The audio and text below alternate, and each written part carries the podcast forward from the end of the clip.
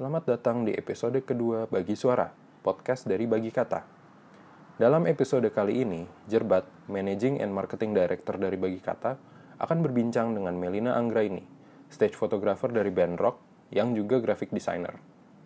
Mereka akan berbincang mengenai bagaimana Anggra menemukan passion, stereotyping gender dalam pekerjaan dia, dan menangkap momen. Please enjoy.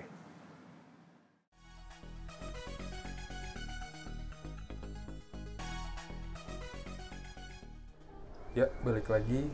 Gue nggak tahu sejujurnya ini di episode keberapa karena ini antara ini episode pertama atau ini episode kedua. sih. Nah, em, masih dalam rangka hari Kartini. Gue sekarang udah sama sama siapa nih ya? Kira-kira eh, coba coba nama dulu nama nama. Halo, nama saya. Iya, kaku banget ya. Santai ya santai. Oke, gue Anggra, lengkapnya Melina Anggra ini. Sekarang lagi asik motret. Mungkin bisa jelasin nggak ya Bene? Nah, mungkin motret tuh motret gimana nih? kan Oh, motret iya. tuh banyak gitu kan. Eh, sekarang lagi menggeluti dunia freelance fotografi di terutama sih di bidang stage fotografi. Hmm. Jadi lagi seru bermain dengan fotografi musik. Nah, em, ya kalau gue boleh ngasih tau juga, em, mungkin karena bagi kata itu agak relate sama yang namanya Baskara. Beliau ini adalah eh, official photographer dari Peace. Bandnya Baskara. Ya, kurang lebih gitu. Bentar lagi mungkin eh, apa official photographer Hindia mungkin. Ya. Terus, nah, em, nah back buat background dulu ya. Eh, lo dulu kuliah di Dulu kebetulan kuliahnya nggak sama Baskara, jadi aman. Dulu jadi di aman. Itu gimana ya jadi aman? gue dulu kuliah di DKV Binus ngambil jurusan DKV ya DKV Binus ya di DKV lah Oh, gue, gue kira tuh kayak ada sub jurusannya kayak kan bisa ada desain oh produk, gue desain apa gitu. gue ngambil yang new media Oh, jadi oke. lebih kalau orang ngertinya in general kayak graphic design gitu oke. Nah, tapi eh, lo emang dari dulu ibaratnya dari zaman lo SMA gitu. Nah, SMA IPA IPS. kebetulan Atau- SMA gue ada jurusan art ya Nice. Spesifik. Jadi kayak berarti tadi gue mau nanya dari SMA lo udah tahu mau masuk sini apa belum? Ternyata dari SMA udah ya, tahu udah kayak wah art banget gitu. Nah, em, tapi kalau lo sendiri dulu tuh eh, tahu lo pengen serius di bidang art gitu ya, either sebelum SMA atau pas SMA kayak lo mau kuliah lebih serius di jurusan desain gitu. Lo pertamanya gimana sih? pertamanya sih klise banget kayaknya karena gue nggak pernah dapet nilai bagus di matematika Oke. Jadi gue mikir, oh kayaknya ini emang bukan interest gue tuh tidak berhubungan dengan hal-hal yang menghitung. Nah tapi pas giliran, eh, jadi waktu SD, waktu waktu SD tuh nyokap gue suka banget beli roll film. Jadi gue kayak, duh tiap kali dan waktu waktu kecil tuh juga sering banget road trip bareng keluarga karena bokap tuh aslinya dari Jawa Tengah, Salatiga. Jadi kita kalau setiap Natalan gitu suka banget road trip ke kampungnya bokap. Di situ nyokap tuh selalu banget bawa kamera film dia sama handycam. Di situ kebiasaan kali ya jadi gue suka banget minjem kameranya gue foto-foto. Atau enggak kadang gue bahkan ngerekam ngerekam perjalanan kita gitu waktu kecil jadinya di situ mulai eh kayaknya seru deh kalau mengembangkan diri dengan bidang ini gitu. Udah deh akhirnya dari SMP udah kepikiran kalau SMA eh, SMA dan kuliah tuh pengen di jurusan seni. Hmm. awalnya juga kecemplung sih kayaknya waktu SMA tuh nggak tahu kalau nih sekolah ini nih ternyata ada jurusan artnya Oh, gitu. Nah, em, tapi pas orang tua ini berkaitan dengan agak stereotyping di dunia Seni di ya? dunia di kehidupan nyata di Oke. dunia seni gitu kan. Hmm. Kayak lo jadi fotografer, lo jadi desainer emang bisa gitu dalam artian emang bisa hidup gitu apalagi di ya ibaratnya kan sekarang apa-apa mahal gitu. Tapi kalau pas lo orang tua lo tahu lo tuh pengen eh, apa di bidang itu orang tua lo support berarti yang gua atau kayak Eh, sempet agak oh gue ngerti nih kayak soalnya Nah. teman-teman gue juga Enggak lo yakin masuk di kafe gitu sempat Nah. kayak gitu sih cuma kebetulan keluarga gue bukan tipe yang gampang apa ya terpengaruh dengan orang lain biasanya anak anaknya tetangga mau kuliah apa atau nggak anak saudara mau kuliah apa gue harus ikut gitu enggak di em, bokap nyokap gue ngebebasin untuk gue bisa milih waktu kuliah nanti mau kuliah apa awalnya sih mereka kayak bingung di kafe tuh apa ya soalnya Hmm. kalau bokap gue bilang soalnya dulu angkatan bapak tuh nggak ada tuh yang seni-seni kayak gitu biasanya teknik semua gitu Ya makanya tahun 90 2000-an bahkan baru Iya, ada baru ada. baru mulai naik lah Betul. gitu ibaratnya. Terus kebetulan mungkin mereka percaya kalau apa yang gue pilih akan menghasilkan, setidaknya bisa bikin gue sendiri berkembang. Jadi gue dibebasin banget itu beruntungnya gue sih. Gue ngerasa kayak keluarga gue oke banget nih dengan jalan yang gue pilih gitu.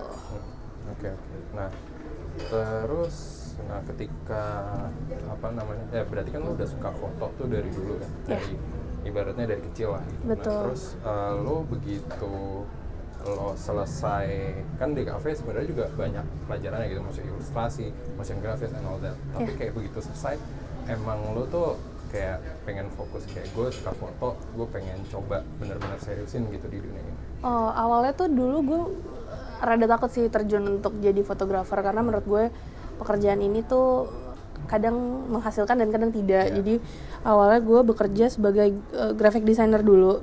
Tapi nggak jauh-jauh dari musik karena gue tahu kalau misalkan gue bekerja di kayak misalkan ahensi ahensi gitu, gue kayaknya nggak bisa diem. Maksudnya gue nggak betah banget sih harus duduk dan jam kerjanya se gimana ya kadang jelas kadang enggak gitu kan akhirnya gue eh, jadi graphic designer di salah satu record label di Jakarta Hmm. dari situ gue mikir oh seru kali ya kalau beneran ikutan foto akhirnya gue coba untuk jadi kontributor di beberapa media untuk eh, media fotografi gitu dan media musik juga sampai akhirnya eh, sebenarnya ketemu Fis tuh waktu gue kuliah justru Hmm.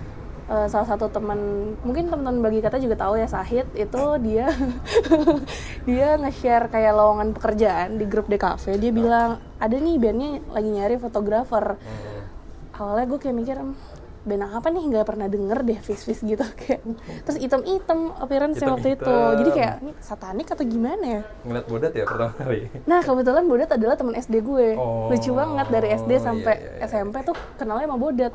Tapi Bodat yang gue kenal dulu tuh nggak segondrong sekarang, iya. Jadi kayak, hmm oke. Akhirnya di situ gue mulai mengkontak, eh, mulai ikutan Fis lagi. Fis kan sempet vakum juga. Gue kayak, oke lah, ini untuk gue belajar dan muasin ego sendiri. Gue mau coba foto-foto aja.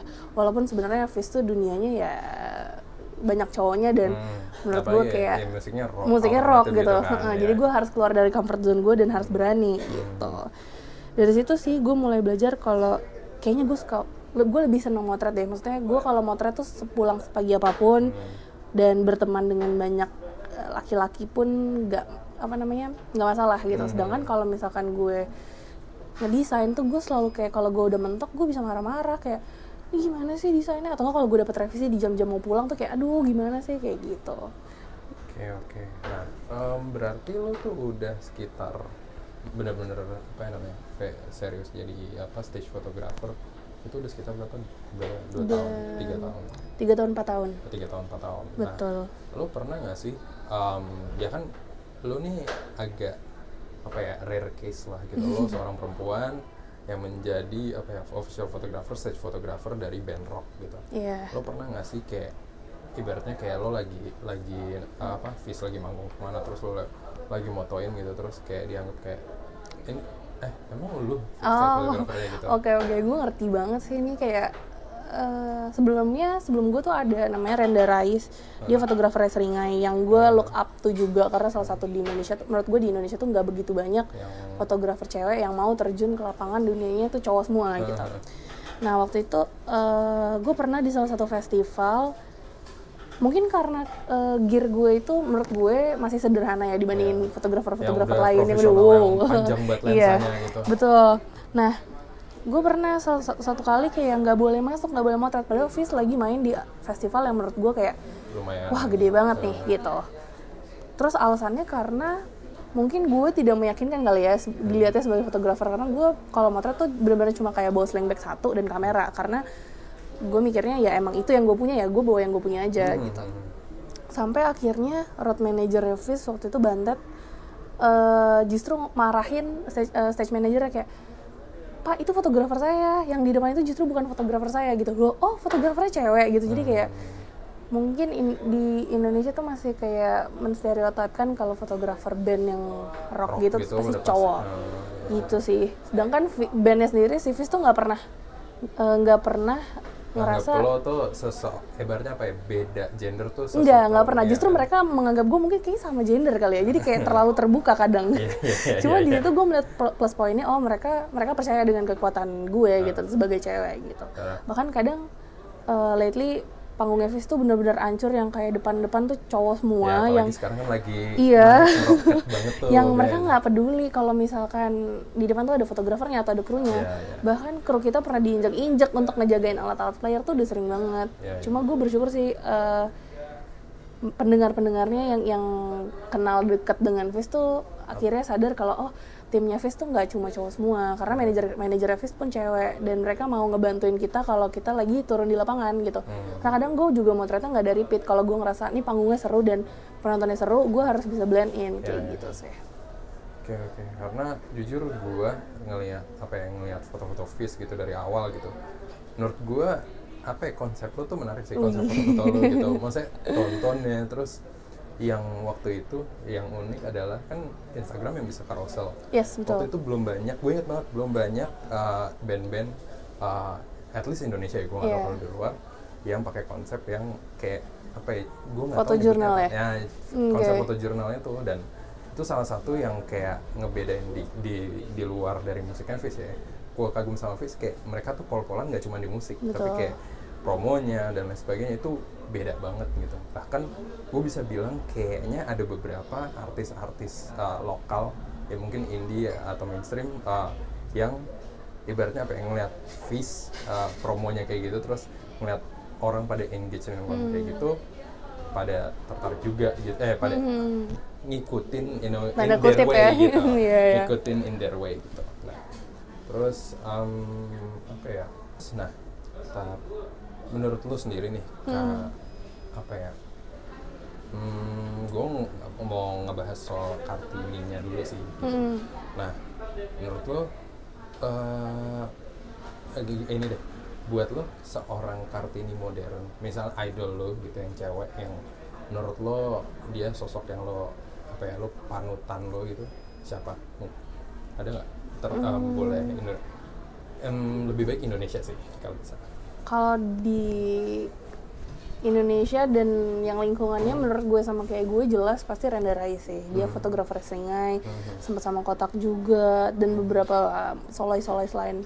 Karena menurut gue eh, banyak sebenarnya fotografer Indonesia cewek ya mungkin dulu jauh sebelum zaman sosmed. Cuma mereka mungkin nggak terekspos aja sekarang dan mungkin se- sekarang udah ada sosmed, mereka udah nggak main sosmed gitu loh. Jadi Hmm, kelihatannya kayak Kayak kayaknya nggak fotografer cewek tuh itu itu aja ya. Padahal sebenarnya banyak menurut gue tuh banyak. Tapi balik lagi mungkin uh, tidak terekspos tidak terekspos in a good way gitu ya maksud gue di dunia digital ini mereka udah lebih senior gitu kan. Kalau Renda specifically mungkin karena um, musiknya maksudnya foto, fo- uh, band atau musisi yang kita foto tuh kurang lebih rada mirip. Hmm, crowdnya juga ya sangar-sangar dan kehidupannya juga surrounded by banyak laki-laki gitu. Jadi gue ngerasa ngeliat dia kayak keren ya dia tuh bisa um, merubah stereotip orang Indonesia kalau fotografer tuh harus cowok. Hmm, sedangkan band yang dipegang adalah ya siapa yang nggak tahu seringai gitu loh. Hmm, ya, kayak ya, gitu. ya, ya. dan gue sempat kayak bertukar pikiran sama dia kayak kak kita tuh sebagai cewek gimana sih harusnya menghadapi dunia dengan banyak laki-laki ini? Gitu. Hmm. dan dia tetap ngasih gue saran-saran positif kayak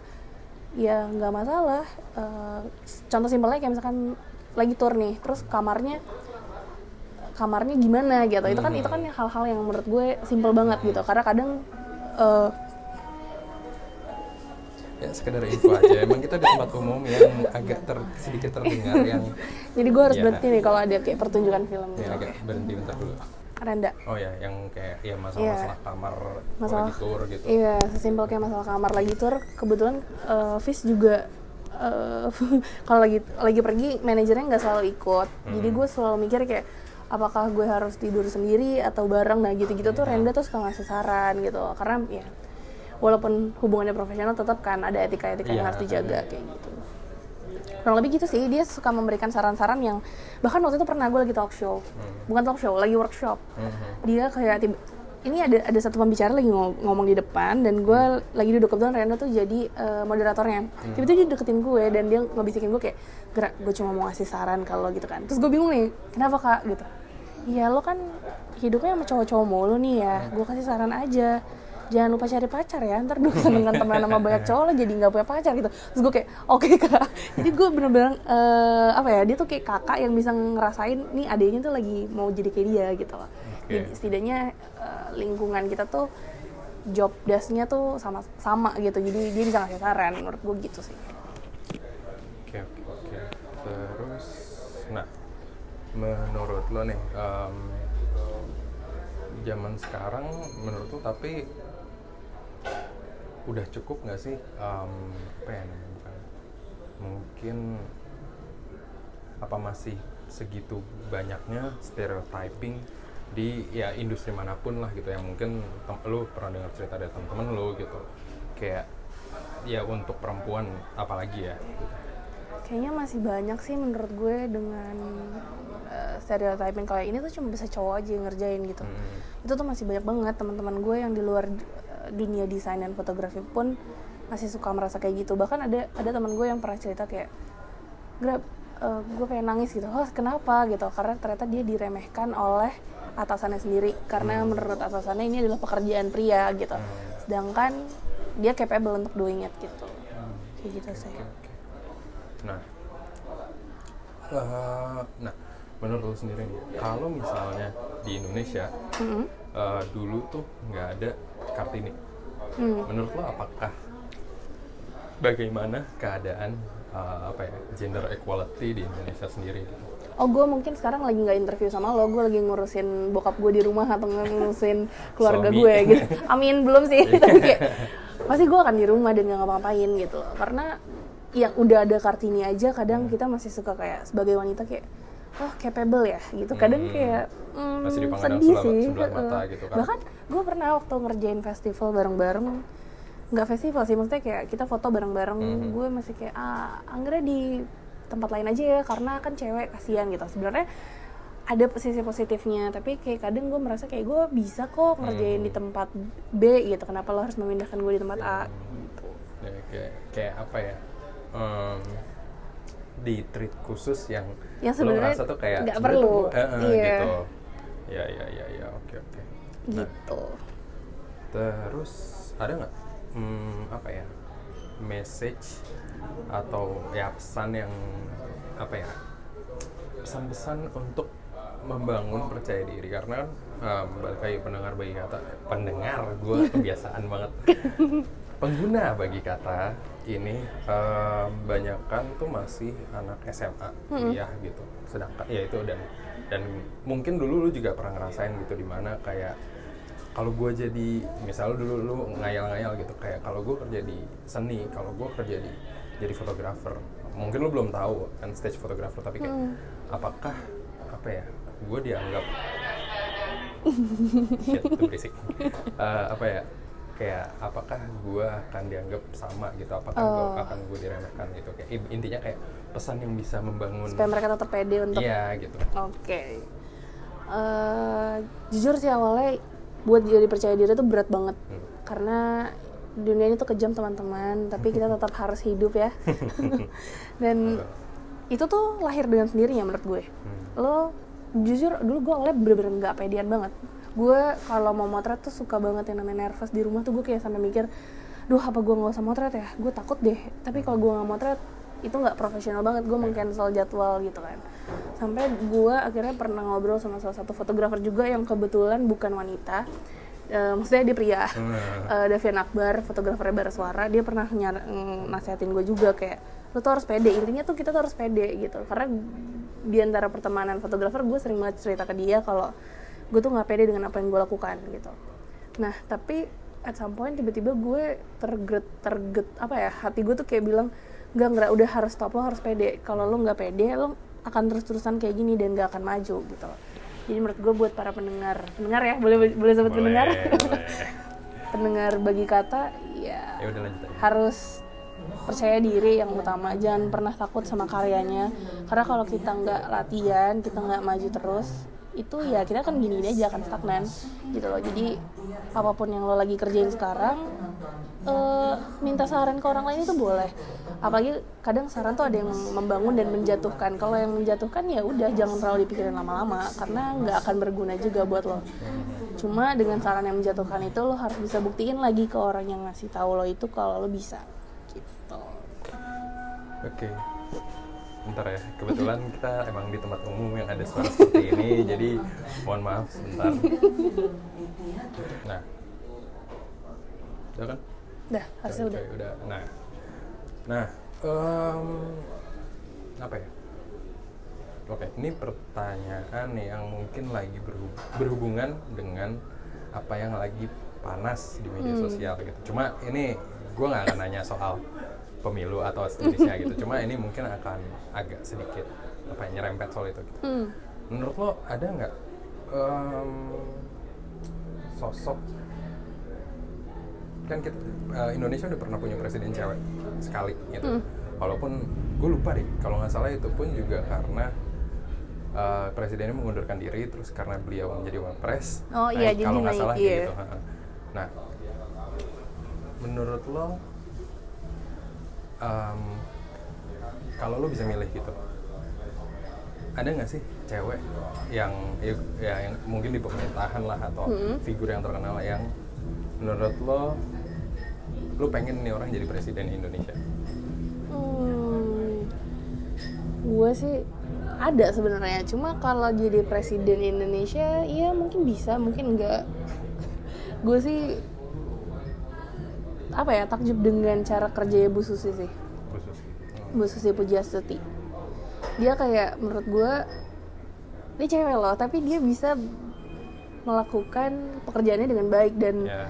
ya foto fotonya dia deh yang viral yang dia lagi ngerokok di Hmm. laut itu gue kayak wah gila sih ini orang. Sih hidupnya kayak free soul banget ya tapi dia Yes. tetap bisa ngelakuin job desa dia dengan baik gitu menurut gue kalau dia jadi presiden mungkin hmm, banyak cewek-cewek yang mulai tergerak kali ya. Dia ya menurut iya menurut gue juga dia banyak ya, dia banyak defying expectation orang sih Iya. dalam artian oke ya satu dia perempuan menjadi menteri menteri terus tegasnya tuh kayak gitu gitu udah gitu juga apa ya em, dia nggak lulus gue SD iya dia kalau nggak salah dia dia pendidikannya tidak, se- tidak selanjut eh, eh, dengan yang tidak lain gitu. tinggi gitu Mm-mm. kan gitu. Dan tapi ya dia kerjanya juga yang ya udah bodo Wah, amat ekstrim deh gue banget. ngerjain kerjaan gue deh gue kalau menurut gue jarang banget loh cewek mau maksudnya dia bisa kerja dari back office aja Heeh. menurut gue tapi dengan kriteria dia kayak gitu dia bener-bener langsung turun ke lapangan dan nggak Yes. cuma sekali dua kali Untuk maksudnya level menteri iya kan. maksudnya gue sering lihat dia di, di TV di berita tuh dia lagi turun di lapangan gitu Hmm. dan kalau dipikir-pikir mungkin itu agak nyambung dengan job desk gue sekarang ya gue bener-bener turun ke lapangan juga dan gue ngerasain kayak kerja dengan banyak laki-laki tuh nggak gampang gitu loh. tapi Hmm. dia bisa dia bisa dengan kerennya Hmm. mengatur itu semua gitu jadi gue cukup look up tuh ke dia sih kalau untuk pemerintahannya Oke oke oke oke. Em, oh ada satu pertanyaan. Mungkin ini pertanyaan terakhir. Cuma ini eh, dibilang ngay- ngayal ngayal sih ini ngayal sih. Kalau eh, lo dikasih satu eh, ini ini terlepas dari apa ya namanya hari kartini atau apa gitu ya. Kalau lo dikasih kesempatan buat sekali time traveling untuk mengubah sejarah sejarah apa yang pengen lo ubah? Hmm, kalau ngubah sejarah tuh kayaknya susah sih berat. Cuma gue jujur jadi pengen balik ke masa-masa kartini memperjuangkan sih. Hmm, karena di situ menurut gue di setiap buku sekolah SD tuh pasti ada cerita tentang dia. Oke. Tapi pernah nyadar nggak sih foto dia cuma itu itu doang ya cuma gue rasa cuma satu atau dua deh Iya, yang- mungkin kalau misalkan gue bisa time travel, gue lebih baik ke masa itu sih. Karena kalau misalkan kayak lebih jauh lagi, gue apa ya, nggak familiar juga nggak familiar. Dan kalau misalkan Kartini, kalau nggak salah tuh ada salah satu sosoknya temannya Kartini juga deh yang yang cukup membantu dia. Cuma kan Iya. di situ mungkin pengarsipannya kurang, nggak tahu ya, mungkin atau gue kurang ngedik atau ya mungkin karena ya masih zaman iya, itu juga gitu kan. Gue pengen banget balik ke masa itu terus gue pengen apa ya mengcapture momen-momen di situ sih. Hmm. karena menurut gue kalaupun di situ kamera yang jelas pasti udah ada cuma mungkin orang-orang yang berkecukupan aja yang punya. Mhm. tapi itu kayak penting banget gitu menurut Ya, gue. Kita dan- kan nggak tahu kalau berapa tahun lagi foto itu akan kepake atau enggak gitu. Yes. itu yang gue gue sempat googling juga kayak nyari foto kartini tuh ada yang lain gak sih gitu loh karena mostly yang dipakai ya nggak lebih dari lima yang gue lihat Oh. dipakai di buku-buku sekolah Ya, ya. gitu sih pengen pengen tahu aja gitu karena let's say kayak misalkan momen-momen ini agak bahas pemilu kemarin ya Mhm. momen-momen pemilu kemarin tuh banyak banget di twitter yang nge-share tentang pahlawan eh, pemilu tuh yang Hmm. eh, kotak-kotak pada dibawain ke Iya, pelosok-pelosok iya, kayak iya, gitu iya. dan menurut gue coba kita lihat nanti kayak 50 tahun lagi deh pasti foto itu bener-bener ada, Ada nilai maknanya iya ada sejarahnya nilai gitu. sejarahnya gitu mungkin sekarang kayak oh ya udah untuk kepentingan konten sosial aja Iya, sosmed aja cuma kalau kita balik lagi ngelihat kayak wah ini tuh bener-bener kayak 50 tahun lalu Indonesia masih kayak gini loh kita kan nggak Iya, tahu ya iya. 50 tahun ke depan atau 10 tahun let's say 10 tahun ke depan deh Indonesia Saya udah apakah masih gimana? Iya itu kan masih manual ya, Hmm. pemilu kita tuh masih manual. Apakah ntar nanti digital apa kita kan nggak tahu. Hmm. Sih momen-momen itu tuh yang menurut gue kayak, aduh seru ya kalau misalkan gue bisa time traveling terus nge-capture momen-momen di situ. Yes, yes, yes, yes. Mungkin juga dulu kalau nggak tahu ya, mungkin karena ibaratnya Kartini kan apa ya korban patriarki lah gitu. Jadi, jadi mungkin gue sih ngelihat emang kalau dibandingin gitu kan cewek-cewek apa pahlawan-pahlawan nasional Indonesia pun juga nggak cuma laki-laki. Maksudnya ada Kartini, ada terus uh, Marta Christina Tiahahu gitu-gitu. Cewek tuh pasti kayak gambarnya udah satu itu aja. Iya, Tipikal yang satu foto. yang kalau gitu. di apa namanya SD difigurain tuh Iya, di iya, ujung-ujung kelas, Iya, pasti iya, iya. fotonya itu aja. Iya, Dan itu iya. nggak cuma dari satu SD ke SD lain. Nah itu yang gue bingung apakah emang portretnya dia tuh cuma satu atau gimana gitu. ya, atau mungkin ya dulu mungkin atau mungkin ya karena zaman dulu itu balik lagi patriarki ngerasa kayak ah cewek mungkin ya mungkin bisa dibilang cewek bisa apa walaupun dia soalnya gue juga makin ke sini mungkin karena apa ya teman-teman gue banyak yang mungkin bisa dibilang feminis garis Mhm. keras gitu yang kayak bilang ya perjuangan pahlawan nasional Indonesia yang selalu disebut Selalu ya yang cowok-cowok gitu Oh, iya. kebanyakan gitu kalau cewek paling itu itu aja sedangkan banyak yang di luar-luar itu gitu Iya, yang benar. yang mungkin kontribusinya kadang-kadang malah lebih besar dari laki-laki Benar. tapi nggak ke nggak ke blow up Betul sekali. gitu ya itu Menarik sih, sih, kalau misalkan gue boleh bilang pahlawan. Iya emang banyak banget sekarang teman-teman kita yang kayak memulai terutama wanita ya yang mulai gerakan-gerakannya dengan bidangnya sendiri gitu. Mm-mm. dan menurut gue itu sah-sah aja. Hmm. as long as itu tidak merugikan iya betul. Kan banyak juga yang ya. Agak menyimpang. Agak pedes gitu. Iya. Anda pedes tapi kayak menyimpang dari inti juga gitu. Iya benar. Tapi ya nggak tahu sih. Gue gue ngelihatnya sih emang apa ya generasi kita nih generasi generasi transisi kali ya. Betul. Transisi menjadi kehidupan yang lebih equal. Iya. Ngerasa nggak sih kayak banyak yang speak up gitu loh? Maksudnya dengan sosial media lo bisa speak Ya. up gitu. Ya, Twi- dengan Twitter misalkan. Kayak banyak aja yang gue ngerasa kayak sekarang mau mau protes atau mau menyuarakan ide tuh udah gampang gitu. Yes tapi jujur gue agak kesel kadang-kadang kalau yang udah kayak a threat Oh Ya, oke, kayak- iya iya itu kayaknya lagi zaman ya, lagi Itu musim. lagi zaman dan kadang-kadang oke lu speak up tapi kadang-kadang buat hal yang Em, kayak agak lo lo lo tuh lebih ke bukan kayak speak up karena lo tersiksa tapi kayak speak up karena lo kaget kayak gitu dan iya mungkin betul. apa ya Dan dari satu point of view aja ya. Iya, nah kadang-kadang gitu sih, gitu banyak masalah yang ya terlalu apa ya? Jatuhnya orang kalau bikin thread di Twitter, gue lihat sih mencari justifikasi, Betul. gitu dan kadang-kadang ya itu balik lagi ketika ada orang yang enggak, ketika banyak orang yang enggak sepemahaman sama mereka, Iya.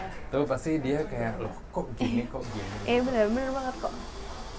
gila gila gila gila, menarik sih menarik menarik menarik. Jadi sebenarnya emang kalau mau berbicara menurut gue ya emang harus tahu dasarnya juga dan Yes. jangan dari satu point of view aja. Hmm. Yes, yes, yes, yes. Betul, betul, betul. Oke, em, gue rasa cukup dulu untuk podcast kali ini, edisi sekian ini. Uh, ya, thank you banget ya, Ngra. Udah Sama-sama. ngobrol-ngobrol gini. Cukup seru lah. Gitu. Semoga teman-teman bagi kata ada yang mau melanjutkan generasi jadi fotografer stage ya. semoga, semoga. Karena susah banget loh kadang kalau gue nyari Iya, apa iya, iya. substitusi untuk gue misalkan dengan Fis gitu. Eh, ada kadang fotografer cewek yang mau tapi kayak kak panggungnya serem ya. Nggak jadi deh. Wah oke. Iya, adik-adik iya. tolong dibantu. Ya ya. Gue juga dulu kan gue sempet kerja di Java Festival gitu kan. Hmm. terus kayak gue ya gue kenal sama yang biasa fotografer itu dan dia biasanya nyari volunteer kan. Betul. Itu juga ada cewek tapi kayak kadang-kadang gitu kalau udah stage stage gede si padahal maksudnya si uh, fotografer ini kayak ya udah lu kalau stage gede yang apalagi dulu masih ada zaman JRL ya Java Hmm, Pinkman iya. kan kayak oh udah pasti di mana-mana band rock iya. lagi gitu kan terus kayak fotografernya nggak pilih nggak pandang bulu kayak ya udah Iya. cewek taruh sini tapi kadang-kadang ceweknya yang kayak aduh nggak bisa iya, Iya. apalagi kan banyak yang moshing dan lain Iya, sebagainya benar. itu ya tapi semoga dengan ya lo berbagi terus nanti ada bibit-bibit stage Yeay. photographer cewek yang bisa makin banyak gitu dan nggak nggak takut lah kalau Iya. buat di band metal atau rock gitu Yes.